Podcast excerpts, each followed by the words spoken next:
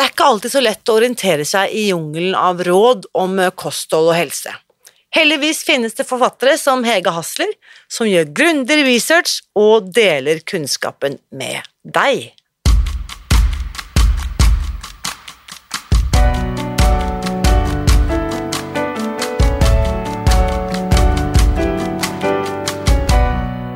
Mitt navn er Irina Lie. Jeg er journalist og forlegger, gründer og sosial entreprenør.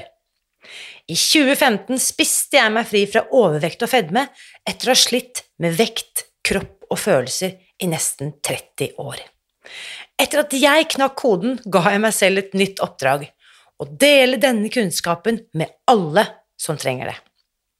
I denne podkasten kan du derfor høre hele lydboken Spis deg fri. Den finner du ved å bla deg tilbake i arkivet og lytte til første sesong. Hver uke inviterer jeg nå gjester som gir deg påfyll til hodet, hjertet og magen.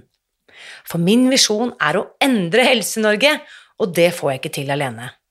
Du bidrar ved å abonnere på podkasten, skrive en omtale i iTunes og tipse meg om hvem jeg burde invitere hit. Da setter vi i gang med ukens episode. Å hjelpe diabetespasienter med å legge om kostholdet og ta smartere valg på kjøkkenet, det har blitt den røde tråden i bokserien Hege Hasler har skrevet sammen med forfatterkollega Gunn Karin Sakariassen de eh, ti siste årene. I dag deler Hege sine beste tips, som kan være nyttige for oss alle, uansett om vi sliter med livsstilssykdommer eller ikke. Her er ukens gjest. Kjære Hege, velkommen tilbake til podkasten. Tusen takk, Irina. Fantastisk. Og så må jeg bare få lov til å gratulere deg med en fantastisk vakker og viktig bok. Ja. Den grønne diabetesboken som kom på Cappelen Dam nå for ikke så veldig lenge siden, tidligere i høst. Mm, kom i august. Mm. Ja. Sånn. Sånn ser den ut. Um, og du har jo vært med på podkasten tidligere. ja. Um, og da var, nevnte du jo det også, for denne boken er jo på ikke måte your first rodeo. Du har skrevet bøker før. ja. Eh, men før vi kommer til bokproduksjonen, så bare fortell litt, ta en liten recap, eh, Hege, av de som ikke kjenner deg Mm. eh, ennå. Ja. Jeg har jobbet med diabetes. Um, Jeg, si, altså, jeg, vil, jeg pleier å si at jeg jobber med, med kost og helse, for jeg syns det er det jeg gjør mest. ikke sant? Um, men det, det startet jeg med for eh, ja, nå, Hvor mange år siden er det da? Men i uh, 1995 var jeg ferdig utdannet sykepleier, og det var ikke så mange år etterpå at jeg begynte å jobbe. Jeg begynte å jobbe med diabetespasienter på medisinsk poliklinikk, og da eh, ja, da gjorde vi som vi ble lært. Altså, det var snakk om eh, å måle blodsukker og begynne med medisiner og mer, mer medisiner og mindre medisiner hvis det gikk bra. Um, vi snakket ikke om kost i det hele tatt. I det hele tatt. Nei, de ble sendt en time til en ernærings- eller en kostveileder. Eh, Men jeg husker jo også at det vi serverte på kursene vi hadde da, for disse nye, eh, nyoppdaga diabetikerne, det var jo eh, pastarett og eh, brødskiver, og at det ble sagt at det verste du gjør er å legge mye pålegg på brødskiva. Liksom magert og lite pålegg og mye brød, da. Det var liksom det vi sa. Men det jeg oppdaget var jo at de som eh, tok tak i kosten sin, og kanskje den gangen da begynte å følge litt det som Fedon Lindberg snakket om, ikke sant? som var å spise mindre brød og mindre brunost og mindre poteter, som var liksom forferdelig å si den gangen. Men de klarte seg mye bedre, og det er egentlig ganske logisk, da. Det er bare at det var ikke det vi skulle eh, fortelle om. Vi skulle jo si at folk skulle spise normalt, det er bare at normal mat ikke var det beste for, eh, for noen, kanskje, det som ble snakket om. Dette er så vidt, og vi, vi rakk jo akkurat så vidt å snakke om det, at Fedon Lindberg, det er mange som kan jeg tenker at han på en måte er bestefaren til alt dette som vi i dag vet er allmenn kunnskap. Ja. Det er han som var den som begynte å snakke midt imot. ikke sant? Eh, Ernæringsrådene, de nasjonale ernæringsrådene, også de som Diabetesforbundet sto for. Mm. Han var den første som ikke sant, sa at det er ikke bra nok, eller vi må gjøre det annerledes. Mm. Da begynte han jo å snakke mye om dette med, med vekt. Men eh, det er sånn at dette med type 2-diabetes og, og, vekt, det henger sammen. Så vi må liksom starte med det som eh, med kosten, da. Ikke mm. sant? Men, og det å gjøre det, det så jeg virket veldig godt. De uh, fikk bedre helse, bedre blodsukker, gikk ned i vekt, bedre blodtrykk. De fikk det mye bedre. De ble mer fornøyd. Uh, og da tenkte jeg at det må det være noe i. Mm. Og da eh, rettet jeg liksom interessen min mot rett og slett det. Hva kost, riktig ernæring kan gjøre for helsa. Og da har jeg jo sant, jobbet med all slags bedre helse, ikke bare for bedre blodsukker, men at det meste Altså, du kan jo spise deg friskere fra alt og i bedre form, eh, og kan bli ordentlig syk hvis du spiser feil. Mm. Så Og det er jo nettopp dette du sier her med, med de rådene, og ikke sant er, Alle gjør jo bare så godt de kan, og for ja. 30 år siden så visste vi ikke bedre. Nei. Det jeg syns er litt tragisk å tenke på, er at i dag, i 2023, da, så er det fortsatt mange av disse rådene som gis, som det ja. ikke finnes noe vitenskapelig belegg ja. for at faktisk funker. Ja. Som, eh, som, tvert imot kanskje går imot mye av den nyere forskningen. Mm. Men dette, disse paradigmeskiftene, de, i, spesielt innen helsevesenet, de henger jo gjerne 30 år igjen. Det tar så lang tid å få til en endring. Mm. Så. Og det har jo selvfølgelig forandret seg. Er, vi har jo kommet et skritt videre, men jeg ja. føler mange ganger at det er tre skritt fram, og så er det ett tilbake igjen. Ja, uh, men, og så var det men, på stedet hvil veldig ja. lenge også. Um, Og da, denne kunnskapen Og du jobbet jo med Fedon Lindberg i veldig mange ja, år? Ja, jobbet med Fedon i hvert fall 16 år, ja. eh, til stor glede. Eh, og så det jo, var det bare praktiske årsaker til at man på en måte har eh, gått, ja, valgt å gjøre ulike ting. Vi gjør ikke ulike ting, det er bare at jeg fortsetter å møte pasienter, som jeg kaller det, eh, siden jeg er sykepleier, på klinikken. Og Fedon har et mer nettbasert ja. Eh, firma nå. Mm. Så du har ditt eget selskap, og ja. det kan man finne ved å google? Ja, det er uh, Vekklinikken, din livsstilsklinikk, så det er bare å søke på. Ja, og Eller søke på navnet ditt, så kommer eller det. Eller på navnet mitt, selvfølgelig. Ja. Og nå er jo vi her sammen på mitt kontor i, i, i Bogstadveien, og du er jo rett nede i gaten. Rett nede i Hegdalsveien, ja.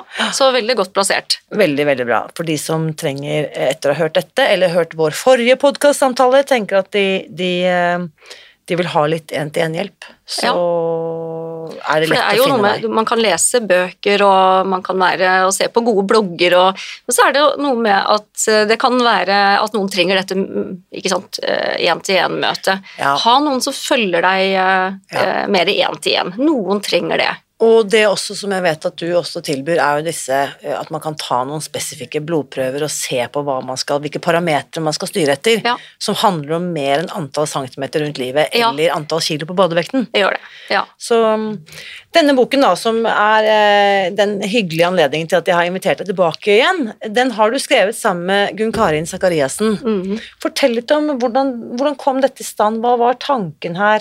Um, hva var, hva var, motivasjonen for å lage denne boken? Ja, eh, jeg må jo nevne at eh, Gunn Karin og jeg vi har skrevet fire bøker sammen som nå har blitt en, en serie. Det skal jeg få lov å fortelle mer ja, om, håper jeg.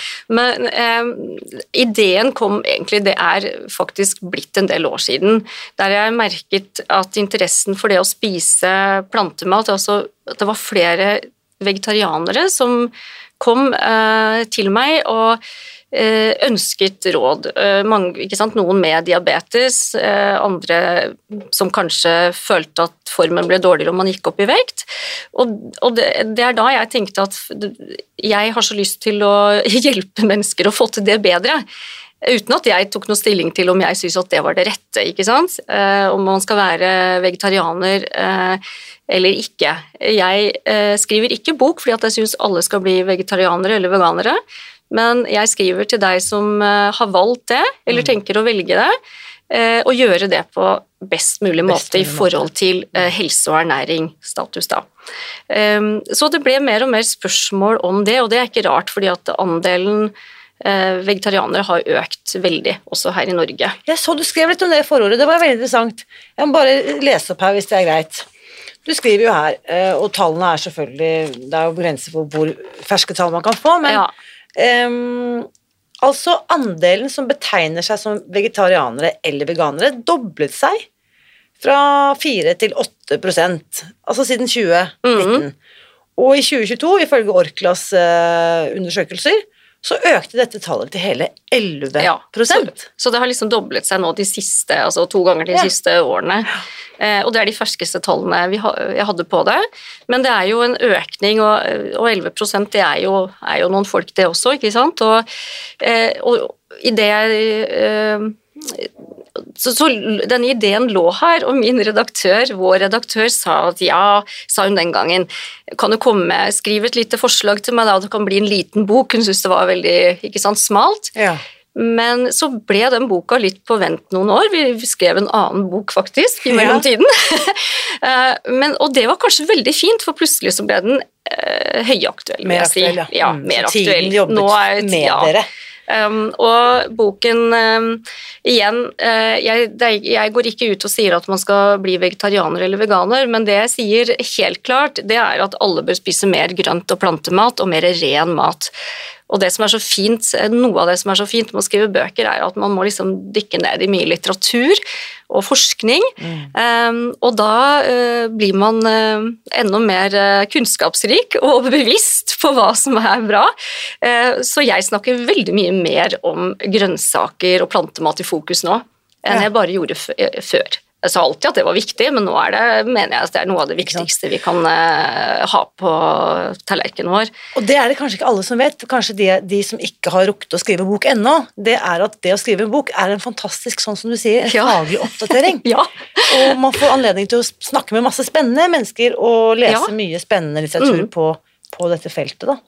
Eh, Og de som eh, velger å bli vegetarianere eller veganere, de har ofte da erstattet eh, mye av det de tar ut, altså de eh, dyreproteinene som de tar ut av kosten, har blitt erstattet med matvarer som er veldig karbohydratrike. Ja. Det er mye brød og eh, lefser og pasta og, og den type mat som jo ikke harmonerer så veldig godt med et bra blodsukker. Nettopp. Så det var jo der det begynte for meg da med å gå inn og se på hva, hva annen Ikke sant. Det må erstattes med, med proteinrik, ordentlig plantemat. Mm. Og en annen ting var at eh, det skal jo være så mye lettere nå å være vegetarianer eller veganer, for det er så mye fine produkter i butikken, eh, ble det jo sagt eh, mange ganger til meg.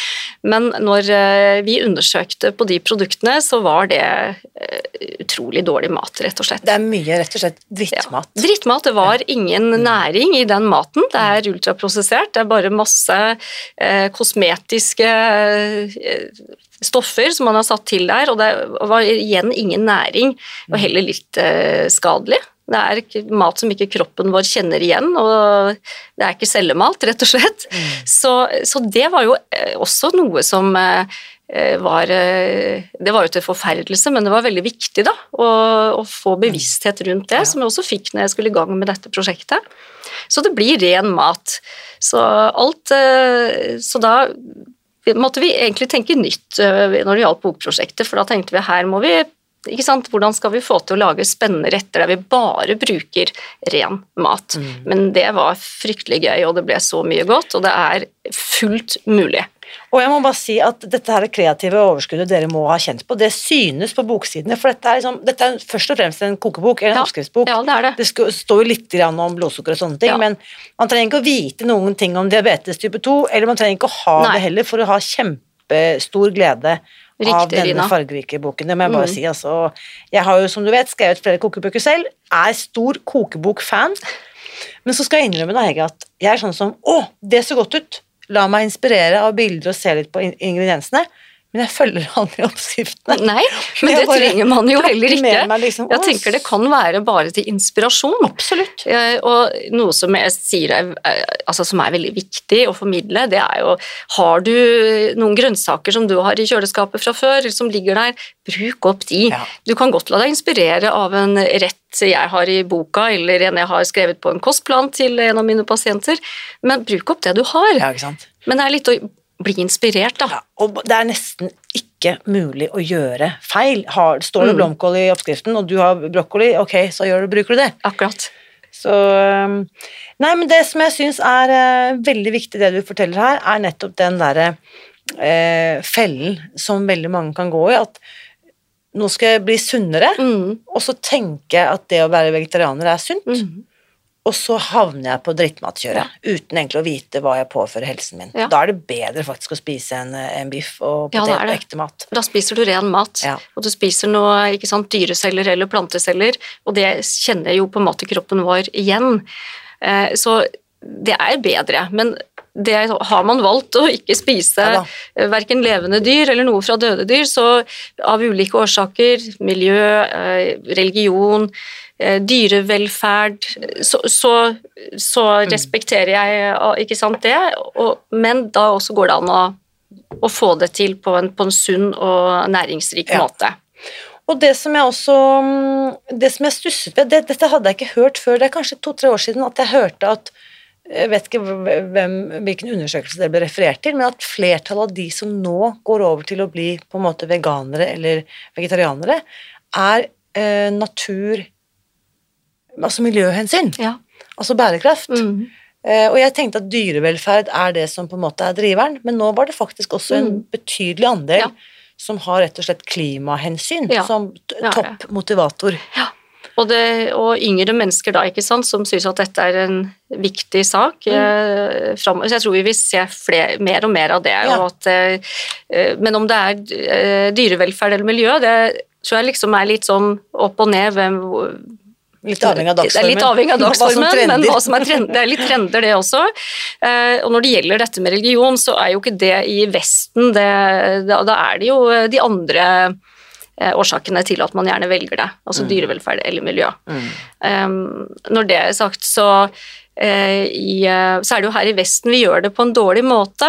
Eh, For, for i, i Østen så har de, der de også har det, altså religiø, religiøs bakgrunn, da, for å ikke spise dyr i det hele tatt, så bruker de jo bare plantemat. Mm. Og de bruker mye grønnsaker og mye belgfrukter og nøtter og frø og Mm. så, så, og man ser jo da i studier at man kan spise på en måte som gjør at det å spise vegetarmat er veldig sunt, men man kan også gjøre det på en måte som viser at det er veldig usunt for helsa.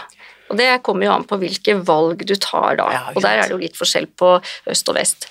Um, og hvis man velger å spise mye grønnsaker og belgfrukter, som har mye fiber, antioksidanter, folat, fytokjemikalier, så er det noe som er veldig gunstig for helsa vår da, i forhold til all sykdom.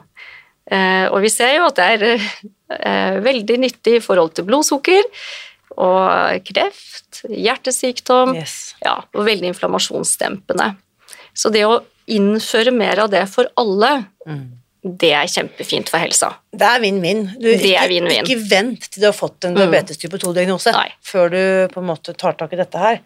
Uh, ja, og dette har du jo også skrevet om, ikke sant. Jeg tenkte jeg skulle bare gjenta det du akkurat sa, nemlig det at det, dette, et vegansk, da, uh, som denne studien viser til, et vegansk kosthold reduserer risikoen for diabetes type 2, høyt blodtrykk og andre hjerte- og karlidelser, skadelig kolesterol, inflammasjon, kreft og overvekt. Ja. Altså Da tenker jeg bare Ja. Kjør på. Her er det ikke grunn til å sette å spare på de grønnsakene i det hele tatt. Eh, og som du var inne på, belgfrukter og nøtter og frø og sånn. Eh, det er jo en eh, Jeg liker også at du har tatt med dette her. Luft i magen. Ja. en liten spalte her på side 26 i boken. Eh, dette er jo også et kjent problem for oss som plutselig begynner å spise linser og kikerter. Ja. Eh, Hei sann, hopp sann, hva gjør jeg nå med Ja. luften i magen? Ja. Det er jo sånn at noen eh, selvfølgelig tål- tolererer det litt dårligere. Men som, vi, som jeg har skrevet litt om der, så finnes det noen uh, råd, da. Uh, og det er noen som får hjelp av å bare hva skal jeg si, kjøpe seg fordøyelsesenzymer, som jo også er uh, naturlige eh, fra, fra planteriket, men som kan hjelpe litt til. Så er det dette her med å legge eh, belgfrukter og også nøtter. Eh, mange to tolererer dårlige nøtter også Ja. eh, for tarmen, sånn at og det skal legges i vann. Også, Legges i bløt. Ja, legges i bløt og bytte vann flere ganger. Eh, Og bruke god tid på det, sånn at hvis man vet at man eh, er ømfintlig, så mm, er ikke dette liksom sånn eh, man spiser på sparket, holdt jeg på å si. Da må man planlegge det Ja. litt. Men Eh, å kjøpe da eksempel typ sånne, sånn som fra Coop eller Rema, typ sånne eh, kikkerter som ligger på sånn pappbegre. Ja. Eh, de er jo ferdig bløtet. Ja. Hvis man er ømfintlig, så bør man gjøre dette selv. Kjøpe rå og Ja. legge i vann og vite at man har gått gjennom den prosessen. full kontroll på Ja, ha full kontroll på Og prosessen. det er ikke vanskeligere enn at jeg gjør dette ofte og bare legger det i vann kvelden før jeg legger meg. De ligger jo der av seg selv, og så er det bare at det er lurt å bytte vann noen ganger. Ja. Men eh, ellers så er det jo ikke noe jobb med det. Det er bare at du må planlegge da, at du, skal bruke det om et par dager, kanskje. Ja. Mm. Så det er jo supertrikset, å legge det i bløt. Ja. Eh, Jeg har faktisk lært også, ikke sant, dette her du også skriver om ehm, eh, å koke opp Mm. linsene. Du kan jo si litt om det også. At vi bare gir dem et raskt oppkok. At du bare gir dem et raskt oppkok, ja. Eh, og eh, lar dem stå i kjelen over natta. Eh, To-tre minutter. At du bare koker dem, skyller dem først, da. Det var linsene jeg tror jeg mest nevnte der. Ja. Mm. Eh, og eh, gjøre et oppkok, og så lar du dem stå Mm. til dagen etter. Mm. Helle av kokevannet og putte på friskt vann. La de stå. La de stå. Jeg har lært et annet triks i samme Ja. gate. Ja, Eh, åpent for nye triks hele tida. Dette er jo da i, eh, i temaet flatulens, som det heter på fagspråket. Ja. Luft i magen, promping, som eh, på godt norsk. Det er eh, jordskokk. Ja. Den også skaper jo noe helt sånn Ja. ellevill luftproduksjon nedi der. Og da nettopp lærte jeg det å skjære opp jordskokken i skiver, hvis jeg skal lage den til suppe Mm. eksempel, og så koke den opp, og la den bare koke litt. Ja. Helle av kokevannet, og så kan man bare sette i gang. Ja. Det er altså Ja. totalt noe helt annet Ja. enn natt og dag. Ja, men jeg tenker jo at da er det liksom eh, 75-90 prosent eh, eh, ufordøyde sukkerarter da, som er blitt borte. Det er som fører til magetrøbbel. Sånn er det at, eh, inulin det heter? Ja, inulin. Inulin, ja. Mm. Eh, nei, så da fikk vi med oss eh, litt eh, mot... eh, Ja, tips. Litt tips eh, for Hvordan, eh, de som sier at å nei, det er helt umulig for meg å spise det. Eh, Så prøv, prøv i hvert fall å gjøre en, noen tiltak. Så kan det hende at man tolererer belgfruktene mye bedre. Og så er det jo noen som tolererer eh, noen av de bedre enn andre. At man kan tolerere linser bedre enn bønner, f.eks. Ja. Prøve seg litt frem, da. Mm. Mm. Ja. Og så dette som du også skriver om eh, tidlig i boken her, hvor det på en måte er en veldig grundig innføring i tematikken. Det er jo nettopp dette her som vi har sett også i eh, matvareindustrien. Ikke sant? Dette unngå for mye soya. Mm. Fordi veldig mange av disse kopiproduktene der man skal kjøpe pølser og burgere og jeg vet ikke hva, vegetariske, Mm. de er jo proppfulle av, av soya. Kan du ikke bare si litt om det, Hege? Hva er problemet her med soyaen? Ja, altså For det første så kan det jo være et miljøproblem med soya. Eh, Men hvis vi skal tenke eh, næring, så er det også sånn at for mye soya eh, Og så er det jo Hva slags soya er det du får kjøpt? ikke sant? Mm. For den kan også være ganske prosessert. Men vi vet at soya kan være uheldig for, for noen i forhold til hormonbalanse, at man har hatt brystkreft som har vært ja, hormonpåvirket. Da. Eh, men det må være sagt at hvis man velger eh, ren, eh, altså hva skal jeg si, proteinrik, mer ren soya, og har det i kostholdet sitt som en del av variasjonen, så er det ikke skadelig for noen. Men det er det at ikke man skal overdrive. Det er jo et veldig, et veldig viktig en veldig viktig anbefaling å gi eh, når man snakker om kost, det er variasjon. Fordi at eh, hvis du ikke er variert nok, så vil du eh, spise for mye av noe du ikke skal ha, og så vil du mangle noe du burde ha. Eh, så jeg tenker at når det dreier seg om soya, så er det jo fordi at mange vegetarianere da har brukt mye soyabaserte produkter. Ja. At det er det som erstatter da kjøttspising eller proteinspising. Eh, Men det å ha ekte eh, soya, altså tofu f.eks., inn som en del av kostholdet ditt i løpet av uka, det er bare sunt. For soya har jo også eh, næringsverdi. Absolutt. Ja. Um, så vi, når vi eh, har brukt soya i oppskriftene, så har vi soya med høyt proteininnhold, Mm. så, uh, og har den i noen retter. Ja. Og da er det bare sunt og fint. Og for de som syns at dette tofu-greiene er litt sånn rart og fremmed, det som er morsomt med tofu, som kanskje ikke alle vet, er at den tar opp smaken av hva enn du lager den sammen Mm. med. Ja. Så det er også en, en sånn slags rar smaksforsterker.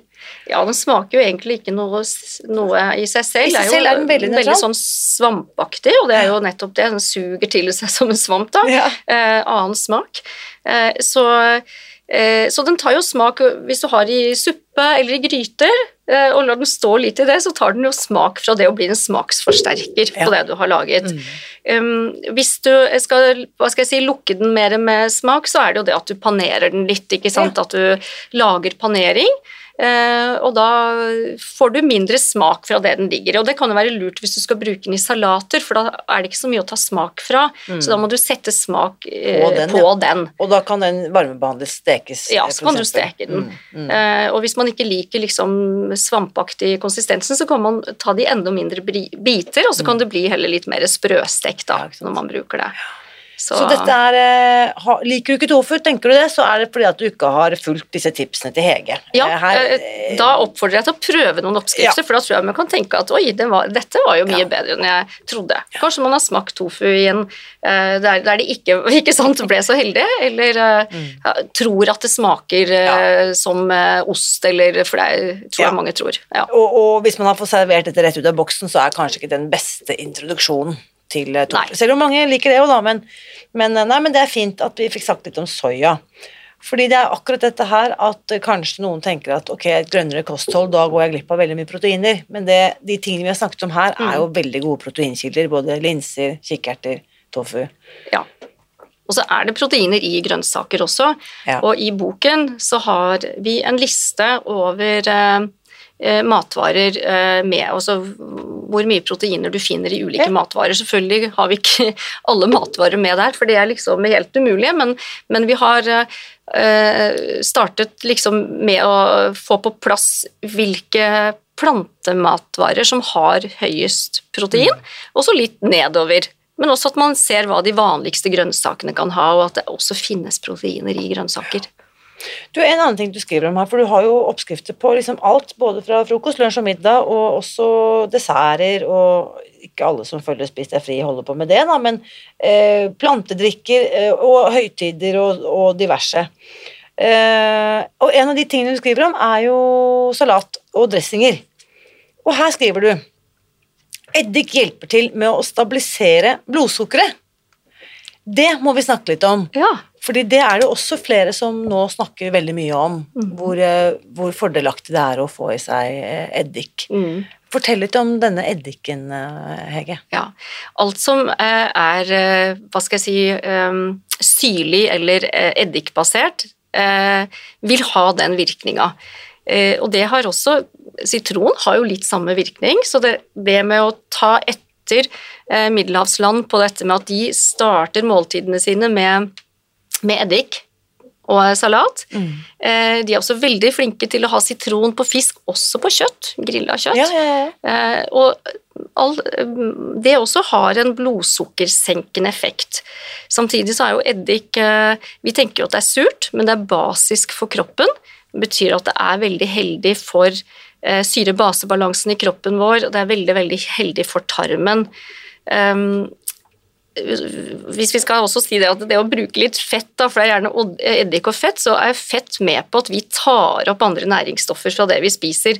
Så en sånn startsalat da, med eddik og fett på, det er helt toppers å starte et måltid med. En klassisk vinaigrett for de En- som kjenner til det. Absolutt. Og jeg vet jo mange da, ikke sant, eh, nå driver og Eller det har man jo egentlig holdt på med i mange år, men at det er dette med å drikke litt eh, eplesider, Ja. eller ha eplesidereddik i vann om morgenen og Og det er jo gjort eh, studier på eplesidereddik, men i prinsippet så blir det det samme med hvilken eddik om det, du velger, da. Om det er Ja, nettopp. hvitvinseddik eller okay. Ja. Så, så det er nok ikke spesielt bare for eplesidereddik, men det er eh, gjort studier på det som kan vise at det kan ha effekt på forbrenning også, men, og da tenker jeg det kommer jo av at det har en effekt på at blodsukkeret blir eh, senket. Mm. Så, for, for da skjer det litt uh, naturlig. Ja, for det husker jeg eh, Det var en, eh, en eh, som spurte meg om det. Hva driver du med det, Rine? Driver du og drikker eddik om morgenen? For at jeg hørte at det, da kan man slanke seg bare ved å gjøre det. Og da sa jeg at jeg, jeg gjør ikke akkurat det, men eh, jeg har nå også sant, glukosegoddess, som du kanskje har vært borti. eller sett på sosiale medier, hun har jo også en del sånne hacks, blant Mhm. annet dette her med å starte alle måltider, faktisk, med Jeg vet ikke om det er en spiseskje med eplesidereddik i vannglasset. Eh, Følger du noen sånne hacks? Driver du og drikker eplesidereddik før måltidet, eller på starten av dagen? Nei, jeg, jeg, jeg gjør ikke det, men jeg bruker mye eddik på mat. Eh, og noe jeg ble enda mer bevisst på ikke sant, når jeg skrev den, den grønne boka, det er grønnsaksspising. Og at eh, vi bør rangere det sånn at det er grønnsaker øverst, og så proteiner, og så fett, karbohydrater nederst. Men vi bør begynne alle måltider med å spise grønnsaker. Ja. Ja, om vi skal spise, kanskje, kanskje vi ikke behøver å spise opp alle først, at eh, noen kan bli igjen litt sånn sammen med resten av måltidet, men at vi burde i hvert fall spise eh, halvparten av grønnsakene før vi begynner å spise noe av det andre på tallerkenen. Det var interessant. Mm.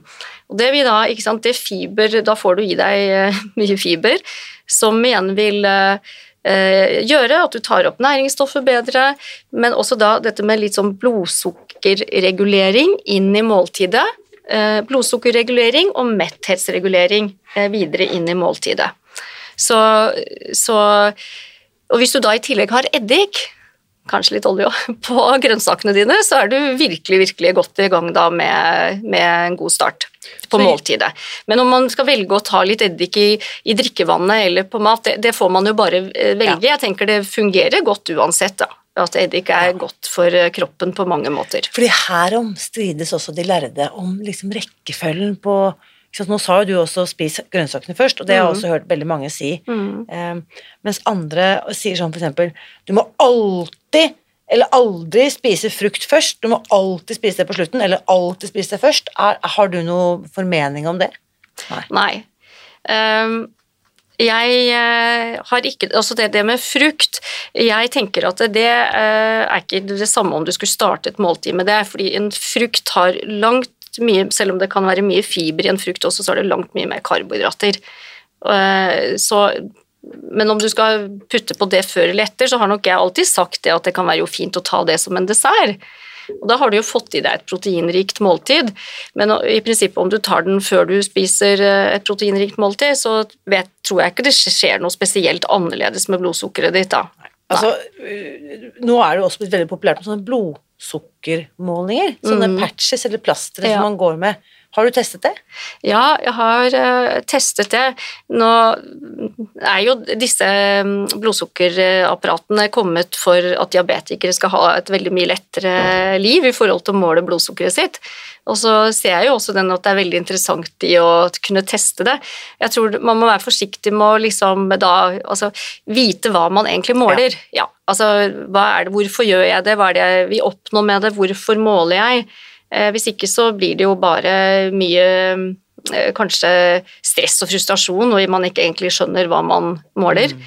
For jeg vet jo mange som har målt, og så å, det ble jo veldig høyt eh, rett etter jeg hadde spist. Ja, det, det gjør det rett etter at du har spist, men hva var det kanskje to timer etterpå?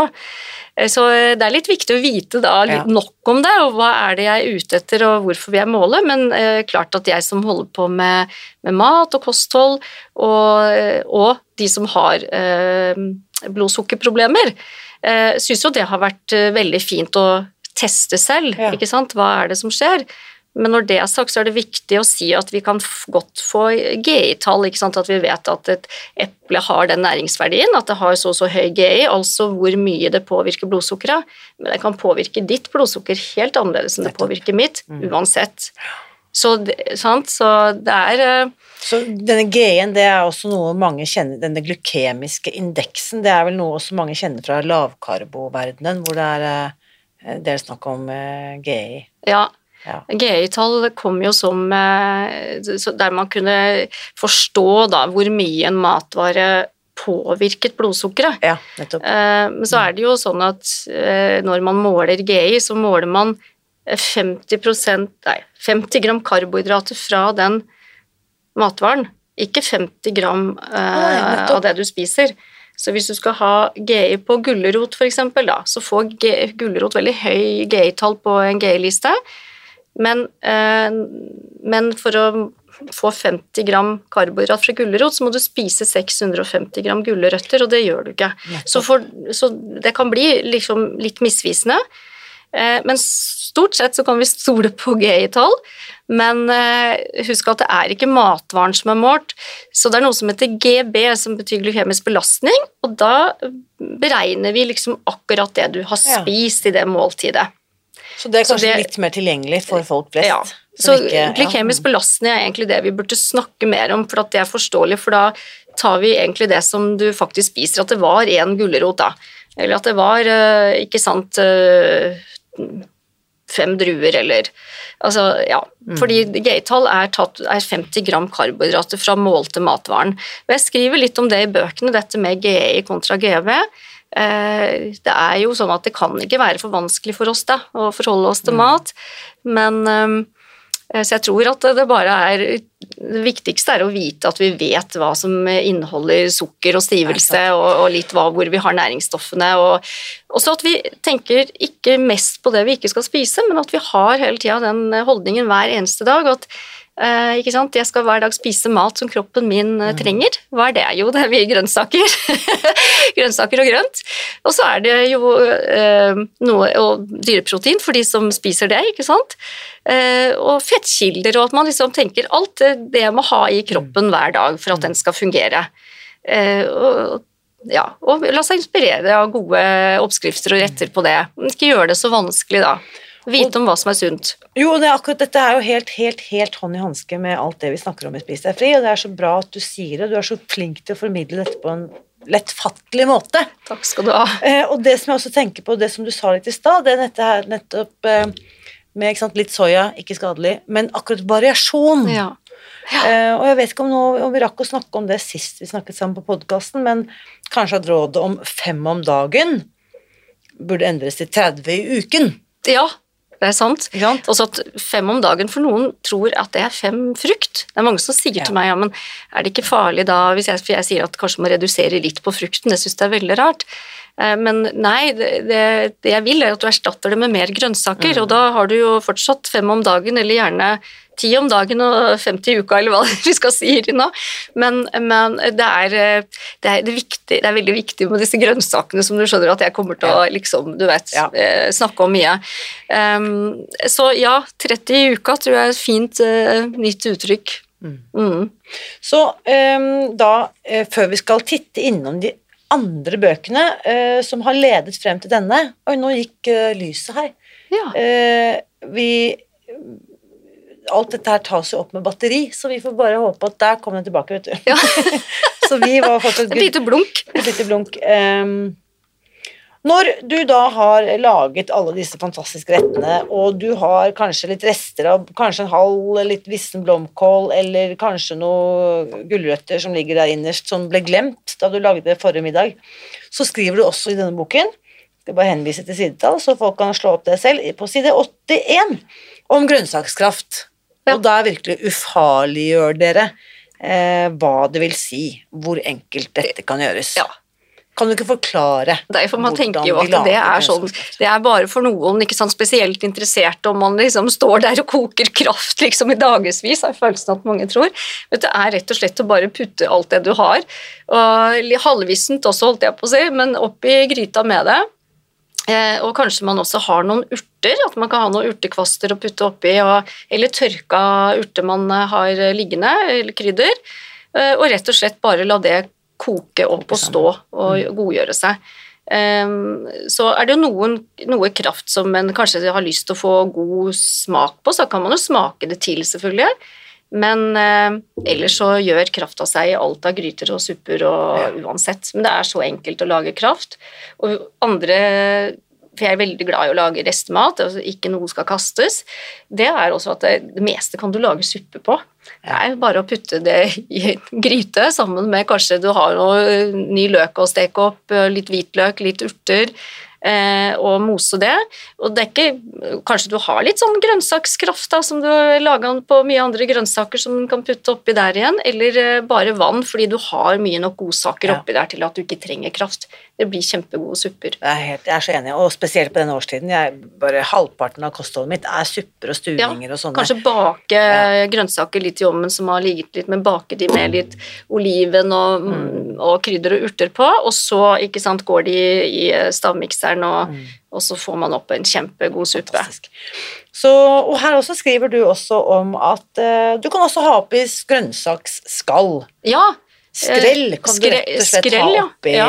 oppi den kraftkokingen. ja. Ehm, så eh, det er eh, Min mor sine hunder var så veldig glad i skrell, så de fikk liksom så mye av skrellet. Så så sier at det som er Det er trist at de ikke lever lenger, men det som er fint, er at jeg får det skrellet oppi den der eh, kraftgryta, Ja. for de gjør seg veldig godt eh, Men- i, eh, Ja, ikke sant? I, i disse, i, i, ja. Og du bruker det jo ikke til noe, du kaster det jo. Jo, Hvis ikke da- du gir det til hunden, som vi gjorde før. Hva tenker du da, Hege, i forhold til økologisk, ikke-økologisk? Tenker du at det kun gjelder hvis du da har kjøpt økologiske grønnsaker, eller tenker du uansett? Ja, altså det er klart at det er veldig heldig når vi snakker om at vi putter skrellet oppi eh, her, at det er økologisk. Det er det. Um, så jeg har blitt spurt om det etter at jeg skrev det, og, eh, og da man kanskje tenker at siden eh, mitt skrell oppi de kraftkjelene var økologisk, så er det akkurat i den forbindelse eh, det beste. Ja. Eh, Så er det jo sånn at vi ikke alltid får tak i økologisk, eh, og jeg tenker at om det ikke alltid 100% var det, sammen med noe som kanskje var det, så går det også veldig bra. Absolutt. Men at det selvfølgelig er best eh, med økologiske Ja. grønnsaker. Og så tenker jeg også det som folk ikke vet, det er jo at veldig mye av jordbruksproduksjonen eh, i Norge som er økologisk, det er ikke stort nok marked for å få avsetning for det. Så veldig mye av de økologisk produserte grønnsakene blir faktisk pakketert Mm. som eh, Prima-gulrøtter eller First Price-gulrøtter. eller Ja. Så faktisk så er det ikke helt utenkelig også at det Nei, du er kjøper som den billigste varen, Og så faktisk er det ikke økologisk. Alle matvarer er like viktig for, så jeg tror at det er viktig å formidle at folk gjør bare så godt de kan her, Ja. i forhold til at man får tak i noe økologisk og noe ikke. Eh, Vi bor forskjellige steder i landet der det er ulik tilgang på råvarer også, og det kan også ha med økonomi å gjøre. Jeg tror at eh, det å gjøre eh, vårt beste, og selv om ikke alt blir økologisk, det tror jeg holder eh, godt, det også. Absolutt. Jeg tror at det at det er hjemmelaget, og at man har kjøpt de rene gulrøttene og potetene, eller hva man skulle bruke skrell på, det, det holder. Ja. Og da, ikke sant, for dette er som du var inne på, er dette bok nummer fire? Det er bok nummer fire. I, Um, I en serie som alle handler er knyttet til Ja, det er det. problematikken diabetes, for å si det sånn. Og det er sånn at vi har jo nå eh, på nyåret tiårsjubileum, for da er det ti år siden den første boka Ja. til Gunn Karin og eh, meg kom. Som heter Diabetesboka. Den- Spis riktig og få en bedre hverdag. Ja. Også denne utgitt på Cappelen Dam. Alle disse Ja. bøkene er utgitt på Og den er altså i eh, Ja, det er i Den har i hvert fall da like mange opplag som den er år. Og det som er så flott med det, er at man får fornyet. Så Ja. her er det aldri noe som er utdatert. Her er den fornyet eh, hvert eneste år, fordi vi har hatt nytt opplag minst en gang i året. Utrolig.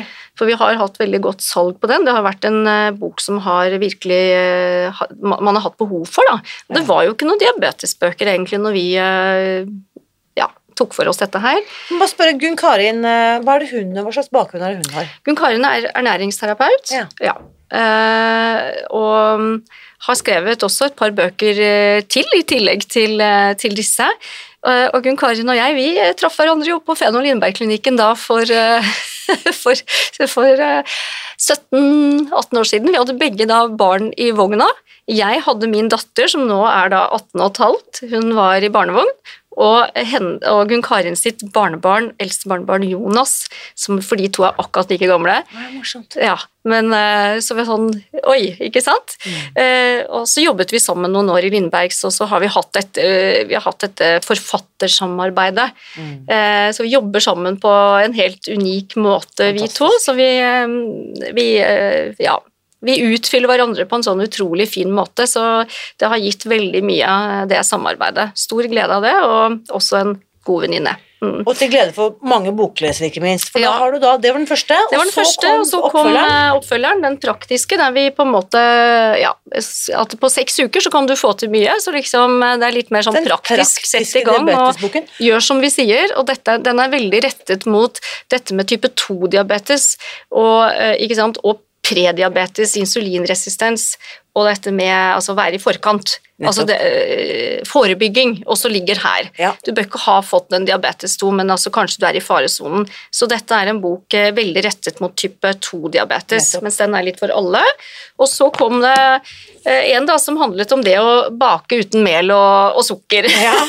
som, eh, Den søte diabetesboka. Så- den er litt mer rosa, litt mer Ja, sukkersøt der Eh, også. og så kom den grønne, da. Og da eh, den, den het Søtt og sukkerfritt først, og så ble den døpt om fordi at vårt forlag ønsket da å gjøre dette om til en serie, så derfor så ser de jo nå også da veldig like ut. Alle fikk De fikk nye forsider, da. Fikk en liten eh, Redesign. litt ansiktsløft og redesign for å løfte det fram nå som en serie med bøker. Så eh, det som ikke står der, er ikke verdt å vite, holdt jeg på å si. Altså, der står det eh, veldig mye rundt eh, både sykdommen, eh, alle diabetestyper, og behandling, eh, mat, søvn, fysisk aktivitet, om tarmen, altså alt som er viktig, da. Ja. Og jeg tenker jo akkurat det at denne kunnskapen blir allment tilgjengelig er så viktig, for dette er jo ikke noe som er forbigående. Diabetes type 2 er kommet for å bli, og Ja. stadig flere får enten diagnosen prediabetiker eller typ Ja. Det er over påvist. 1000 mennesker i Norge som får diabetes hver måned. Å ja, såpass. For det er 14 000 i året. Så det er over 1000 i måneden. Ja, Mm. Så det er også tall som er sånn du, du skvetter av. Ja. Eh, Og da snakker vi bare diabetes type 2? da snakker vi diabetes, men hvis jeg sier at det er jo av de Hva, hva har vi da? 300 000 som har eh, diabetes. Eh, vi, vi, det er jo litt sånn blindtatt, for det er mange som har diabetes uten å vite dette her, kanskje flere hundre. Mm. Men si hvis du har eh, 400 da, med diabetes totalt, 400 000? 400 000, så er 28 000 av de ca. type 1. Så da skjønner du at det er jo type 2 vi snakker om her. Mm. Og det er jo det som er den livsstilsrelaterte sykdommen. Genetikk og livsstil. Begge deler. Altså man må ha en genetikk for det. Og så er det livsstilen som utløser denne genetikken. Og type 1 vet vi veldig lite om hvorfor man får. Eh, og det er jo en helt annen type sykdom. Så det er jo du eh, er, eh, som, som ikke vi, vi vet har noe med livsstil å gjøre. Ja. Mm. Men jeg får veldig ofte dette spørsmålet, og det er fra følgende, kall det pasientgruppe, som skriver til meg og sier sånn jeg har type 1 diabetes. Mm. Vil dette kostholdet også gagne meg? Og vi har jo så sammenfallende kosthold, så jeg stiller spørsmålet videre til deg. Hva Ja. tenker du? Jo, Ja. selvfølgelig. Mm. Eh, fordi det gagner jo den helse, altså helsa på samme måte vi har snakket om. Og så er det det samme som påvirker blodsukkeret hos oss alle sammen. Mm. Og det er jo kosthold og eh, aktivitet, stress. Mm. Eh, det påvirker oss oss alle. Det er bare at har du diabetes type 1, så eh, klarer ikke kroppen å regulere blodsukkeret ditt etter alt det du blir påvirket av. Eh, så det å spise eh, mat som har mindre raske karbohydrater og eh, masse mer næringsstoffer, er selvfølgelig veldig veldig gunstig for personer med type 1-diabetes også. Og alle andre. Og alle andre. Altså, det Dette kan er jo maten for alle. Så, så ja, alle, også de med type 1-diabetes, vil gavne på Ja. dette. Ja. Og så tenker jeg sånn som jeg ofte tenker på i forhold til spise fri og alle andre kost, uh, sunne kostomlegginger òg, at ikke vent til du blir syk. Nei! Ikke sant? Ja, det er så viktig. Altså, hold deg frisk. Mm. Og, og forebygg, og, Ja. og ikke minst oppdag liksom gleden ved å lage skikkelig fargerik, sunn, god Mm. mat fra Mm. bunnen av. Det er helt fantastisk. Og ikke tro at det er så vanskelig, eller at det tar så lang tid. For det, Mm. mange tror mye om det. Eh, og så er det jo ikke sånn. Det vet vi jo. Mm. Så man må bare ikke sant, prøve. Begynn Ja. i det små. Begynn i det små. Ja. Du, jeg må bare på vegne av vanvittig mange, eh, både nåværende og fremtidige boklesere, si tusen, tusen takk både til deg og Gunn Karin for den viktige, viktige jobben dere gjør, Hege. Tusen takk for at, at jeg fikk lov å komme og snakke om de, og om alt det vi driver med. Ja. Takk, og du blir helt sikkert invitert tilbake, for dette temaet er kommet for å bli, for å si det sånn. Ja, kommer gjerne. Takk. Nå lurer jeg på, hva tenker du etter å ha hørt min samtale med Hege i dag? Samtalen etter ukens episode fortsetter som vanlig i den åpne Facebook-gruppen Spis deg fri, så bli med over dit og del dine tanker og takeaways etter å ha hørt dette. Og før denne episoden er helt over, så vil jeg bare minne deg om vårt Black Friday-tilbud som du har tilgang på en bitte liten stund til. Det finner du ved å gå til spisdegfri.no Black Friday. Og her har vi altså satt sammen en skikkelig gavepakke til deg som nå er klar for å komme i gang. Denne pakken inneholder først og fremst boken Spis deg fri, som eh, gir deg kunnskap du trenger for å bygge nye vaner rundt mat og måltider. I tillegg får du med den offisielle kokeboken, hvor du finner oppskrifter til eh, frokost, lunsj og middag både for kvinner og menn som ønsker å gå ned i vekt. Og begge disse bøkene sender vi hjem til deg i posten. Og på toppen av det hele så får du altså tilgang på vårt populære startkurs, som er et nettbasert kurs, og der beholder du tilgangen i seks måneder. Og dette spesielle tilbudet det bestiller du altså ved å gå til spisdegfri.no Black Friday. Og denne pakken har altså en samlet verdi på 2238 kroner. Og akkurat nå så får du alt dette for kun 990 kroner. Det betyr at du sparer hele 1248 kroner ved å slå til nå, eh, noe som også da tilsvarer 56% rabatt i forhold til veiledende pris. Så hvis du på noe som helst tidspunkt har vurdert å starte med dette, så er dette helt klart det rette tidspunktet å sette i gang. Tilbudet det finner du altså ved å gå til spisdegfri.no Black Friday, men skynd deg, for dette tilbudet er snart ikke tilgjengelig lenger. Husk også, uansett hva du velger å spise, så vit at jeg heier på deg. Alltid.